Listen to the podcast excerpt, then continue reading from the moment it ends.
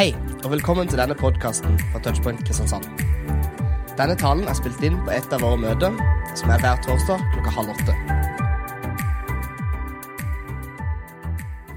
Jeg skal si noe om eh, Jeg har mine tvil, og sto Jesus virkelig opp fra, opp fra de døde?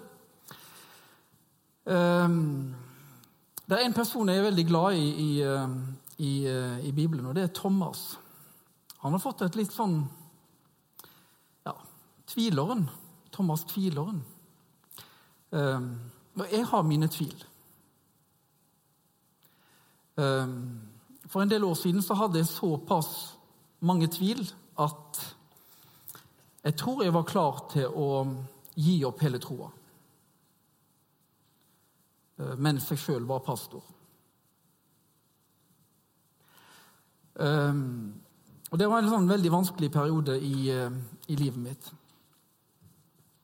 Så det å tvile, det tror jeg er veldig allment for oss. Så Derfor har jeg lyst til å si til deg som eh, faktisk tenker at jeg har mine tvil. Og det er helt greit. Det er helt greit. Eh, For det at når jeg har mine tvil, så begynner jeg å undersøke. Så skaffer jeg meg ei bok, så prøver jeg å finne ut av dette. Så har jeg nok også etter hvert erkjent at jeg skjønner ikke alt. Men det jeg skjønner, det er det at jeg får lov til å være et barn av Gud øh, uansett. Om jeg er der, eller om jeg er der. Om jeg har mine tvil, eller om jeg ikke har mine tvil. Så er det det som bærer meg. Og det er Guds nåde som bærer meg gjennom, gjennom livet. Eh, så la det bare være en sånn eh, åpning her. Og så har jeg lyst til å si noe da om oppstandelsen. Tilbake til Thomas. Thomas han hadde jo også sine tvil, og han eh, sa det at hvis ikke jeg får stikke hånda mi inn i sida hans hvor han ble spidda med et spyd, altså Jesus, og der hvor naglene gikk gjennom håndleddet, så kan jeg ikke tro, sier Thomas. Og eh, så får han lov til å oppleve det. Og Så er det en annen gang hvor Jesus er samla med vennene sine, og så sier Jesus masse fint om at 'jeg går til himmelen', og 'når jeg har gått dit og gjort masse fint der, skal jeg komme og hente dere', og masse sånn bla, bla, bla. bla. Og så sier han 'og dit jeg går, vet dere veien'. Og alle de andre disiplene de liksom 'Yes', liksom. Men Thomas sier 'Herre, hvordan skal vi vite veien når du ikke forteller oss det?' Så Thomas han var en sånn tøffing synes jeg, som sto litt fram når alle andre klappa i hendene liksom, og var med. Uh, sånn. Så sånn, Hei, Jesus, jeg skjønner ikke helt dette her. Og fordi Thomas spurte om det, vet du hva? da har vi fått noe av det fineste bibelverset i hele Nytestamentet. Og det at jeg Jesus sier det om seg sjøl. Jeg er veien, og jeg er sannheten, og jeg er livet. Fordi Thomas turte å spørre. Så har du dine tvil, vær hjertelig velkommen. Nå Dette var ikke av de 30 minuttene, for det var utenom. Eh, det er greit, det, Marie. Det er Marie. Og Åssen tegn har vi når jeg har gått over tida? Hiver du noe på meg? Åssen pleier dere å gjøre det? Ja, Du reiser deg opp liksom, eller begynner å stille ved siden av meg her og ja, begynner å be for meg og legge hånda på meg. og så, så, så ber vi om at han må slutte nå. Ok, da skal jeg gå inn i det som er temaet, da. Eh, og da er det Vi skal ha, ta utgangspunkt i en litt lang tekst. Eh, men jeg tenker at det er viktig, for dette her er en lang bibeltekst fra første Korinterbrev. Og dette brevet skrev Paulus i år 55 etter Kristus. Ok, Jeg kunngjør for dere, søsken, det evangelium jeg forkynte dere, det dere også tok imot, det dere også står på. Gjennom det blir dere også frelst når dere holder fast på ordet slik jeg forkynte det. Ellers blir det forgjeves at dere kom til tro. For først og fremst overga jeg til dere det jeg selv har tatt imot. At Kristus døde for våre synder etter Skriftene. At han ble begravet, at han sto opp den tredje dagen etter Skriftene. Og at han viste seg for Kefas og deretter for de tolv. Deretter viste han seg for mer enn 500 søsken på én gang. Av dem lever de fleste ennå, men noen er sovnet inn. Og Deretter viste han seg for Jakob, deretter for alle apostlene, og aller sist viste han seg for meg, jeg som bare er et ufullbåret foster. For jeg er den minste av apostlene, jeg er ikke verdig til å kalles apostel, for jeg har forfulgt Guds kirke. Men ved Guds nåde er jeg det jeg er, og Hans nåde mot meg har ikke vært bortkastet. For jeg har arbeidet mer enn noen av dem. Det vil si ikke jeg, men Guds nåde som er med meg. Men enten det er jeg eller de andre, dette forkynner vi, og dette har dere tatt imot i tro. Men når det blir forkynt at Kristus er stått opp fra de døde, hvordan kan noen blant dere da si at det ikke finnes noen oppstandelse fra de døde? For hvis de døde ikke står opp, er heller ikke Kristus stått opp. Og er ikke Kristus stått opp, da er vårt budskap tomt, og deres tro er også tom. Da står vi som falske vitner om Gud. For da har vi vitnet imot Gud når vi sier at han har oppreist Kristus, noe han ikke har gjort hvis døde ikke står opp. For hvis døde ikke står opp, er jo heller ikke Kristus stått opp. Men hvis Kristus ikke har stått opp, da er deres tro uten mening, og dere er fremdeles i deres synder. Det er også de fortapt som har sovnet inn i Kristus.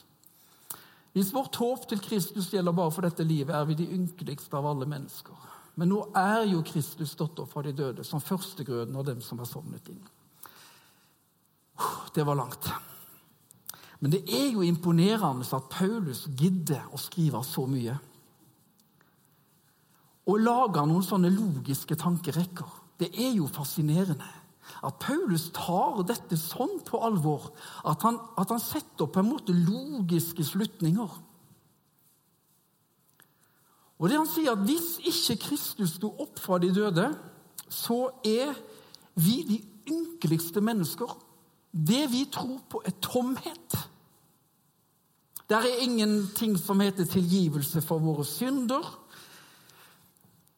Vi er fortapt. Og troa vår, den er meningsløs. Og Da tenker jeg at da satser du alt på ett kort. Altså Når du skriver det, så gjør Paulus noe som Han satser alt på én ting, og det er at Kristus sto opp fra de døde. Um, det er kommet ut en bok akkurat nå. Den ble gitt ut 31. oktober. Det var vel kanskje en dag eller to siden. To dager siden. Som heter 'Gjenoppdag kristendommen'. Um, og Den er skrevet, og det er en sånn det skal være en bok som skal hjelpe oss til å gjenoppdage kristendommen, men den er gjennomsyra av um, en tenkning som um, jeg tenker ikke er, er, riktig i ett og alt. Og En av påstandene er at det var faktisk ikke så nøye med om Kristus oppsto fysisk. Han kan jo bare ha oppstått åndelig inni disiplene, i deres tanker, i deres hjerter, i deres følelser. Det var ikke så viktig at det skjedde fysisk. Eh, men der er jo Paulus veldig tydelig på at jo, en fysisk oppstandelse er helt nødvendig. Eh, og da er det det som jeg skal si litt om i dag. altså Paulus sier at nå er Kristus stått opp fra de døde som førstegrøden av den som er sovnet inn. Og så sier han i romerbrevet vi vet jo at når Kristus er oppreist fra de døde, så dør han ikke mer. Døden har ikke lenger makt over ham. Er det noen som vet om en annen i Nytestamentet som ble vakt opp fra døden? Lasarus, ja. Han ble jo faktisk vakt opp fra døden, og så var det et par andre også. Hva er kjenne, felles kjennetegnet for de tre andre som ble vakt opp fra de døde? De døde igjen. De levde noen år, og så døde de igjen, og så ble de begravd. Det som er helt spesielt med Jesu oppstandelse, det er at når Jesus Kristus dør og han står opp igjen, så overvinner han døden. Og han bringer udødelighet inn i verden. Det nye testamentet er så tydelig på at når Jesus står opp fra de døde, så overvinner han døden. Så døden mister sitt herredømme. Og så sier han det at det er som førstegrøden. altså det er liksom Dere har um, Er det noen som liker å se på serier her? Ja. Det er jo noen gode serier. Men det er liksom sånn, når du har sett den første episoden, så vet du at det kommer nye episoder. Det er sånn førstegrunnen. det er, liksom den, det er den første. Og du vet at det kommer flere. Så Jesus han sto opp og overvant døden. Og så sier Bibelen noe om at en gang der framme så skal vi også oppstå til evig liv. Og Det er litt viktig å ha i, i bakhodet her. Er oppstandelsen mulig? Og Det kommer litt an på øynene som ser. Og Det ser dere her. Sånn vel. Er, her er det to eh, gamle eh, mennesker.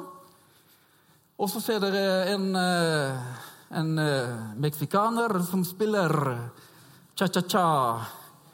Og så sitter dama der, og Emanuel spiller mer for meg. Sant vel? altså, og så har du ei dame inni øret der.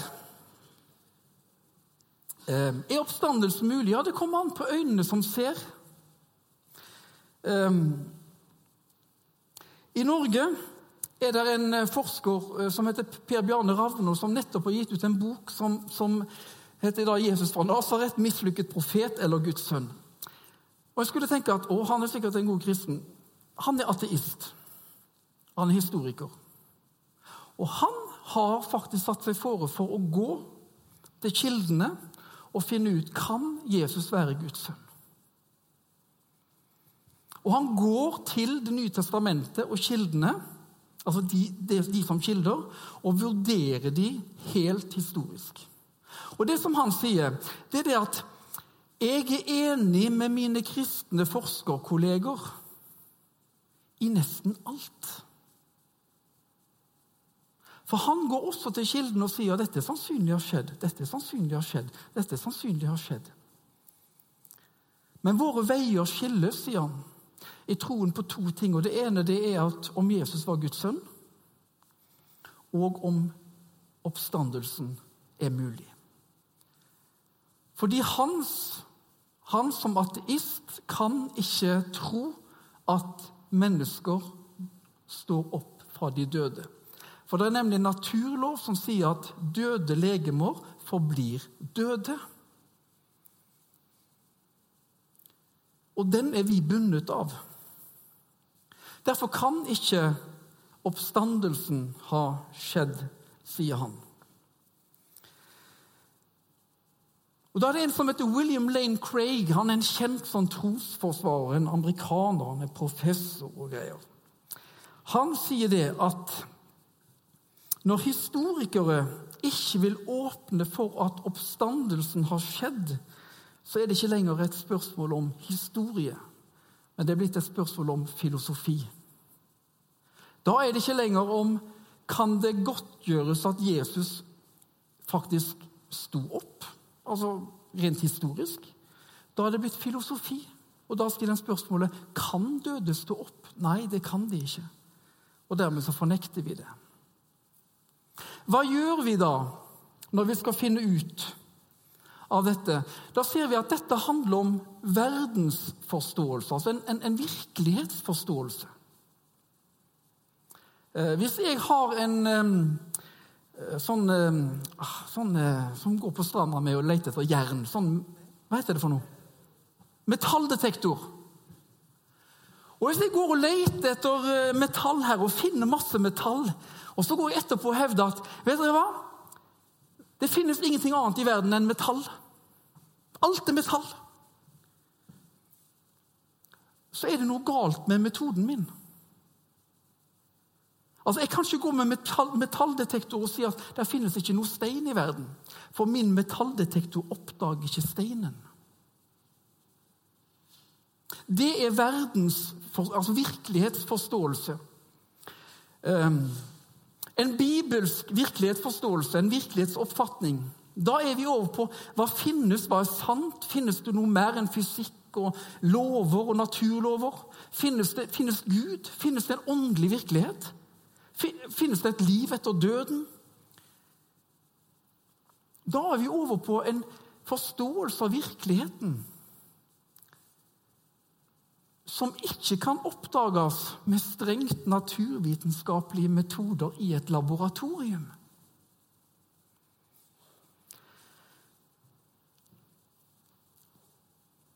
Og Det som er saken, det er at når de første kristne hevda at Jesus var stått opp igjen, så sa ikke de at han våkna til livet helt av seg sjøl. De sa ikke at eh, å, han var død, men han ble plutselig bare levende. Han ble liksom bare levende. De sa ikke at eh, og Dette er det første eksempelet på at eh, naturloven om at døde legemer forblir døde, at den er oppheva. Og nå er det fritt fram for alle, liksom. Nei, de var så tydelige på når du leser Det nye testamentet, så sier de Gud reiste ham opp fra de døde. Han ble reist opp fra de døde. Han ble vakt opp fra de døde. Så de, var, de, skjønte veldig godt som alle andre at døde mennesker ikke bare blir levende av seg sjøl. Liksom. De skjønte det like godt som oss, faktisk. Kanskje bedre. Iallfall like godt. Kanskje vi skjønner det bedre. Nei, bare glem det. Um, så de visste når noen var død, faktisk. Og de visste at døde mennesker ikke står opp. Og De hevda heller ikke at dette skjedde innenfor et univers hvor du har årsak og virkning og naturlover. Men de hevda at Gud griper inn og reiser Jesus opp. Eh, hvis jeg tar iPaden min her og, og, hiver den opp i luft Jeg har ikke lyst til å gjøre det, så jeg tror ikke jeg skal gjøre det. faktisk. Når jeg tenker meg om. Jeg hadde liksom tenkt Det kunne vært fint stunt, men det er sikkert ikke så lurt. Men hvis jeg hiver den opp så hvilken, hvilken, naturlov er det som vil eh, på en måte tre inn, da? Ty Tyngdekraften, ja. Denne her er utsatt for en kraft hele tida. Og det eneste som hindrer den for å ramle, det er armen min her nå. Og det at jeg holder den her nå, betyr det at jeg har opphevd tyngdekraften? Tyngdekraften finnes ikke. Her er beviset. Nei. Men jeg har strakt ut en arm som bærer den iPaden. Sånn er det med Jesu oppstandelse også. Døde mennesker forblir døde, men Gud grep inn, og så reiser han Kristus opp fra de døde. Og Da kan vi gjerne si det sånn at om det finnes en mulighet for at Gud finnes, da finnes det også en mulighet for at han reiste Jesus opp fra de døde. Og da er klokka blitt mye. Og jeg må snakke fort. Skulle hatt sånn en og en halv, to sånne knapp som en trykte på. Eh. Fordi at Hvis en da skal finne dette ut, hva, hva, hva gjør en da? Jo, da må en gå til historien. Og Hva gjør en historiker når han skal finne ut om historien? Han går til kilder. Han går til kildene. Hva var det han der i Ravnå som skrev den boka Jo, Jo, han gikk til evangeliene som historiske kilder. Og det må vi også gjøre. Og så må vi gå inn der og så må vi se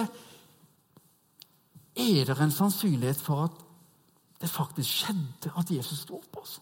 Selv om det er totalt crazy og speisa og alt på en gang. Men er det en mulighet for at rent historisk ja, så skjedde det? Og det er det en må da se på. Og så var Geir her forrige gang, min kollega, som eh, ikke min kollega lenger fra 1. februar, for da begynner han som pastor i Salem. og sånn, men, men, og Det blir veldig bra for Salem, da, men ja, ja. Um, Jeg skal ikke bruke tida på Geir her. Uh, nå må vi snakke om Jesus. Um, men det er jo nesten det samme, da. ja, Jeg er veldig glad i Geir. Uh, uh, veldig glad i Geir. Skal vi gi en applaus for Geir? Ja. Gi en applaus for Geir. Ja. ja, det er bra. Um, nå kom jeg helt ut av det her. Um, han var her og snakka om Bibelen, og kan vi stole på Bibelen? Uh, og hvis en skal hvis en tenker at nei, det er bare legender og myter, så, så sliter en faktisk. For da tar en ikke de som kilder, på alvor. Og det var Geir inne på forrige gang, at Det nye testamentet hviler på mye bedre kildemateriale enn mange andre beretninger og bøker fra antikkens tid. Sånn at Det nye testamentet, Bibelen, altså det nye, spesielt Det nye testamentet, kan en på en måte tenke ja, men dette skjedde. Um, hvis vi da ser på det som skjedde, så ser vi at de forteller at Jesus døde. Beviset på det var jo at han ble begravd. Det var vanlig den gang også at når et menneske døde, så ble det en begravelse. Så det er jo beviset. Altså, En, en, en driver ikke og begraver mennesker som ikke er døde. Det ville være veldig dumt. Uh, jeg kan en god historie om det, men jeg skal ikke ha den nå. så nå kan du sitte og lure på hvilken historie var det, Men den er utrolig morsom. Uh, ufattelig morsom, altså. Jeg ler bare liksom Ja. Um, ok. Jesus oppsto. Hva er beviset på at Jesus oppsto da? Jo, han viste seg. Altså, Hva er beviset hvis du i dag hadde hørt om at han oppsto, han var død, han var lagt i grava? Det var litt enklere den gangen med stein foran. Nå må du liksom banke i kista og liksom komme deg opp. Men, men, men, men altså Vi vil jo se han. Jeg er jo kjempeskeptisk når jeg hører at noen er blitt vekket opp fra de døde. Show me, altså. Vis meg journalen også. Dødsattesten. Jeg vil ha alt. For jeg er litt skeptisk. Um, det er kanskje det som gjør at jeg tviler også av og til. Um, men han viste seg. Så det, det, var mer enn sånn at å, jeg har hørt at noen, noen faktisk oppe i Galilea, noen i en landsby der de så Jesus, iallfall en som ligna på Jesus. Det kan ha vært Jesus. De er ikke helt sikre, men det, han ligna helt på Jesus. Og så brrr, sånn når Jesus oppstått. Men det var ikke sånn det skjedde. For han viste seg og Jeg skal komme tilbake til det litt, litt etter hvert. Han, han, han, han, viste seg til flere. Så troen på oppstandelsen den bygger på historiske vitnesbyrd. Rett og slett. Øyenvitneskildringer. Det er det som på en måte oppstandelsen hviler på. Og når Nytestamentet ble skrevet, så var det fortsatt mulighet for de som leste det, til å sjekke det faktisk. Ehm. Det er jo ganske interessant at noen skriver en historiebok, og så kan noen gå tilbake og sjekke om det var sant. Og da, Hvis en historiker i Norge gjør det, så får han høre det. Eller hun får høre det liksom Hallo! Det stemmer jo ikke, det som står her. Så det hviler på vitner. Så har du evangeliene, men kanskje det viktigste, altså noe av det viktigste, det er faktisk dette som vi leste til å begynne med, det jeg sjøl har tatt imot, skriver Paulus. At Jesus døde, sto opp, og at han viste seg for mange mennesker. Det som er interessant med det bibelverset, det er følgende. Her har du ei tidslinje. Der har du Jesus. Han dør i år 33. Der sitter Paulus og skriver dette brevet. År 55. Det er gått ja, 22 år imellom. Det er jo ikke lang tid, det heller. Altså, når du tenker historieskriving, så er ikke det lang tid. Men hvis det, År 52 så var Paulus i Korint. Han skriver om det at 'jeg kom til dere', og bla, bla, bla. sånn. Så han, Det er tre år siden han hadde vært i Korint. Og så, i år 34-35, så blir Paulus kristen. Men når han blir kristen, så drar han opp Han drar liksom litt langt vekk og han er der i tre år. Og da skriver han, tror jeg Der. Først tre år senere dro jeg opp til Jerusalem for å få vite mer av Kefas, og jeg ble hos ham i 14 dager. Noen annen av apostlene traff jeg ikke, unntatt Jakob, Herrens bror, Galatane 1,18. Så allerede i år 37-38 så var Paulus i Jerusalem. Og når han skriver at 'jeg har gir videre det som jeg sjøl har mottatt, da må vi spørre hvem fikk han det av? Hvor var han? Og det kan vi vite. Han var i Jerusalem. Han møtte Peter og han møtte Jakob, som var broren til Jesus. Og for å si det sånn, Søskenkjærlighet er stor, men hvis en bror tror at broren er stått opp fra de døde, da har det skjedd. Liksom. Da har det skjedd. For en bror vet alt om sin bror. Alle de irriterende tingene og alt sånt. Så hvis en bror er villig til å tilbe sin bror, da er det ekte, altså. Så det er faktisk det første vitnesbyrdet vi har. Hva er det som ble sagt om Jesu oppstandelse i Jerusalem i år 37? Jo, det at, altså, hva ble sagt om Jesus? Jo, han døde, han sto opp, og han viste seg for mange mennesker. Og Da er vi inne på vitnene. Maria Magdalena, Maria Jakob, altså mammaen til Jakob, en annen Jakob, Peter, Kleopas, en annen disippel, det var muligens kona hans. Ti av apostlene møtte han én gang. Og så var apostlene inkludert Thomas, for Thomas var jo vekke den første gangen. og sånn. Sju av apostlene tidlig om morgenen ved Genesaretsjøen. Så der tok han A-apostlene. Nei, der tok ikke en A-mennesker som står tidlig opp. A, altså De som var tidlig oppe om morgenen og var ved Genesaretsjøen, det var bare sju.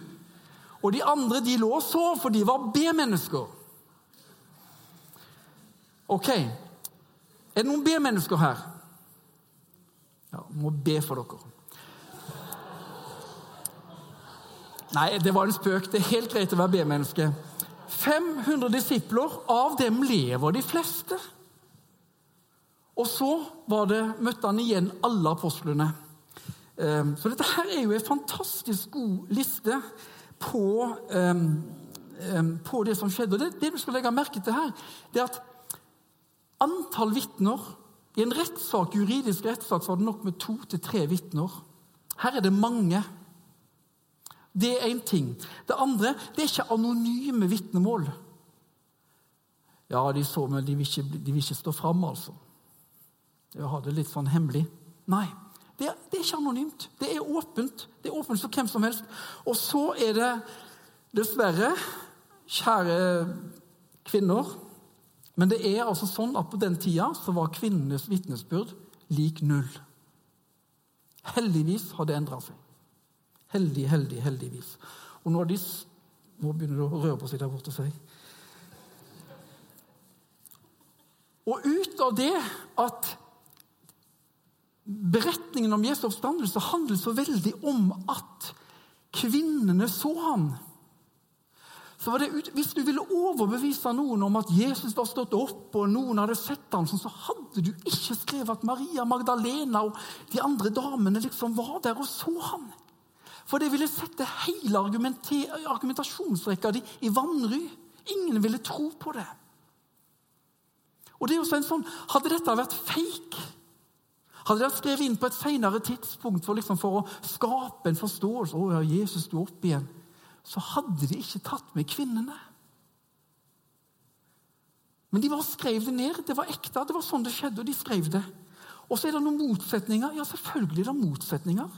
Altså Hvis alt hadde vært helt likt, hvis Matteus, Markus, Lukas og Johannes hadde skrevet helt likt, da hadde ikke jeg trodd på dem. Da hadde jeg tenkt her er det noen som har snakka sammen og blitt enige om forklaringer. Det er jo derfor de lar mistenkte sitte i hvert sitt rom på filmer. og sånn sammen, For de ikke skal klare å lage en felles forklaring. Så det er jo et troverdighetsvitne, dette at det, liksom, det spriker litt, og det er litt sånn ulikheter, og vi skjønner ikke alt. Det er faktisk troverdig. Det viser at jo, det har skjedd noe. Essensen i det som har skjedd, har faktisk skjedd.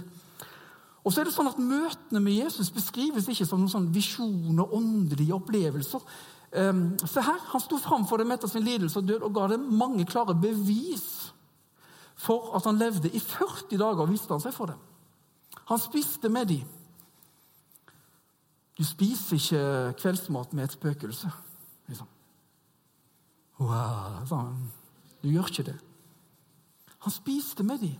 Han var der, han møtte dem på forskjellige tidspunkter. Ulike tider på døgnet. Rett nok kom han rett gjennom veggen en gang, og da hadde jeg hoppa for å si det sånn. Liksom, 'Å, er du der, Jesus? Ja, kan du banke på neste gang?' uh, kan du bare liksom gjøre sånn som jeg pleier å ha det? ja, ja. Uh, ok. Uh, og så er det den tomme grava. Grava den var tom. Um, det som er interessant her, Vanligvis så var det ikke alltid de tok de ned fra korset engang. Altså, de lot bare gribber og fugler ødele, altså spise de. Noen ganger så tok de de ned og kasta en massegrav. Men så er det Josef fra Aritmatea. Og Han var en offentlig person, og han gikk til Pilatus og sier kan jeg få til å ta Jesus ned fra korset og legge han i en grav som jeg har ø, gjort klart til meg. Det er jo nesten litt trist, liksom. At han gjorde klar grava si, mener jeg. Altså, ja. Men der legger han Jesus. Og Det betyr at ø, det er ikke bare en massegrav, det er ikke bare en sånn skjult et eller annet sted, men det er en offentlig grav. Og Det forklarer hvorfor Maria Magdalena og de andre disiplene kunne gå til den grava, for de, visste hvor den grava var. Og Etterpå så er det ingen diskusjon med jødene om at er grava tom eller ikke. Det var ikke diskusjonen. Så jødene, romerne og de kristne var enige om én ting, faktisk. Eller disiplene. Grava er tom, faktisk. Det var de veldig enige om. Eh, så det, det, det som var spørsmålet, hva har skjedd? Altså, Er det noen som har tatt ham? Og Da eh, ble det jo sagt at de kristne har tatt ham. Altså disiplene har tatt ham. Og det er jo utrolig eh, spennende tanker at de har gjort det. I alle fall all den tid at det var, romer, eller det var i alle fall vakter der. Sannsynligvis romerske vakter. Og at de skulle liksom Hei, gutter. Vi skal bare liksom se at alt står greit til her, vi, liksom. Og steinen står på plass. Ja, det er veldig bra, liksom. Og så Peter, Peter, hva er det? Det var ikke sånn det skjedde. Det var ikke noen sånn Jack Bauer-operation. Eh, uh, uh, rykke inn, liksom, og så blende romerne, og så ta Jesus ut, og så springe av gårde. og, og sånn. Det det var veldig, det, det, gjorde de ikke. Og det andre det er jo det at de var jo etterpå villige til å gå i døden for dette. her. Så hadde de sjøl tatt legemet og, og gjemt det et sted, og så i neste runde liksom gå i døden for det, så hadde det vært egentlig veldig meningsløst. Um, så er det noen som sier at Jesus han var, han var ikke helt død. Han var bare skinndød. Han, han liksom, de trodde han var død. Så han våkna etter hvert, etter å ha blitt piska sånn at eh, ryggen var helt bar for hud. på en måte, Så han reist seg opp og så Åh, hva er klokka? liksom? Å, herlig fred, jeg må komme meg ut. Det var ikke sånn. Altså, Romerne de var eksperter på å drepe mennesker. De var så dyktige på å henrette mennesker at de var, de, var, de, de var, grusomme på akkurat det der. Så de visste nøyaktig at han er død. Og Derfor de knakk beina på han også, sånn at når han hang på korset, så skulle han dø. For han levde lenger enn de hadde tenkt. Men når han da ikke fikk støtte i beina, så, så ble han kvelt. Så han var død. Og så tenker jeg altså at Da er det faktisk en sånn også en mulighet til å tenke at grava er tom fordi Jesus Kristus var oppstått. Og det stemmer med opplysningene vi har fra de som har skrevet. Det stemmer med det som ble sagt i Jerusalem bare noen få år etter, etter hans døde oppstandelse. Eh, det stemmer med at en lita, lamslått, eh, nedslått gruppe plutselig begynner å vende om på samfunnet og stå fram og forkynne om Jesus og helbrede. Og det skjer masse artige, rare ting i kjølvannet av dem. Og hvor de er villige til å gå i døden eh, for det de tror på. Ja, men sier du, der finnes jo ekstremister som sprenger seg sjøl i lufta, f.eks. For, eksempel. for noe de tror på. Men det vi er enige om, de, de er blitt manipulert og lurt til det. Men de første kristne, bare noen få år etterpå, de hadde ikke klart å lage alle de legendene og, og all den teologien og, og, alt det som skal på en måte føre til at et menneske skal være villig til å ofre livet sitt for en sak. Er dere med? Altså, det, det, det, er forskjell på det. De levde så tett på begivenhetene, og de ga sitt liv um, Ikke for å skade noen, men de ga sitt liv for noen, for troa si. Uh, for at de ville følge Jesus og tro på ham, selv når samfunnet og kulturen rundt dem sa noe annet og krevde noe annet, og krevde at de skulle tilbe keiseren. Så sier de nei, vi, vi tilber Jesus. Og da er det fordi at du har møtt han. Da er det fordi du har erfart han. Eh, da er det mer enn bare, bare løgn og fake. Da, da, da er det ekte. Um, så jeg har lyst til å avslutte med um, følgende, og det er Paulus sier at Kristus er stått opp som førstegrøden, og at vi skal oppstå en gang. Uh, og det er en fantastisk uh, greie. Dette livet her er ikke det siste. Det kristne håpet bygger ikke på myter og legender, men det kristne håpet bygger faktisk på historiske fakta. Gud viste en gang for alle at han grep inn. Han reiste Kristus opp fra de døde. Og med den oppstandelsen fra de døde så brøt inn en ny tid inn i vår verden. Og Den handler ikke bare om framtida. Oppstandelsen handler om framtida, men her og nå så kan du og meg få lov til å leve med den levende. Det er budskapet. Du og vi inviteres inn til å leve med Han som sto opp, og som lever i dag. Ehm. Så konsekvensen av oppstandelsen, hvis en faktisk lander på jo, men det er faktisk stor sannsynlighet for at Jesus sto opp fra de døde, så får det noen konsekvenser. Og Da kaller seg, da inviterer seg inn til å leve med Han som er levende. Skal vi be sammen?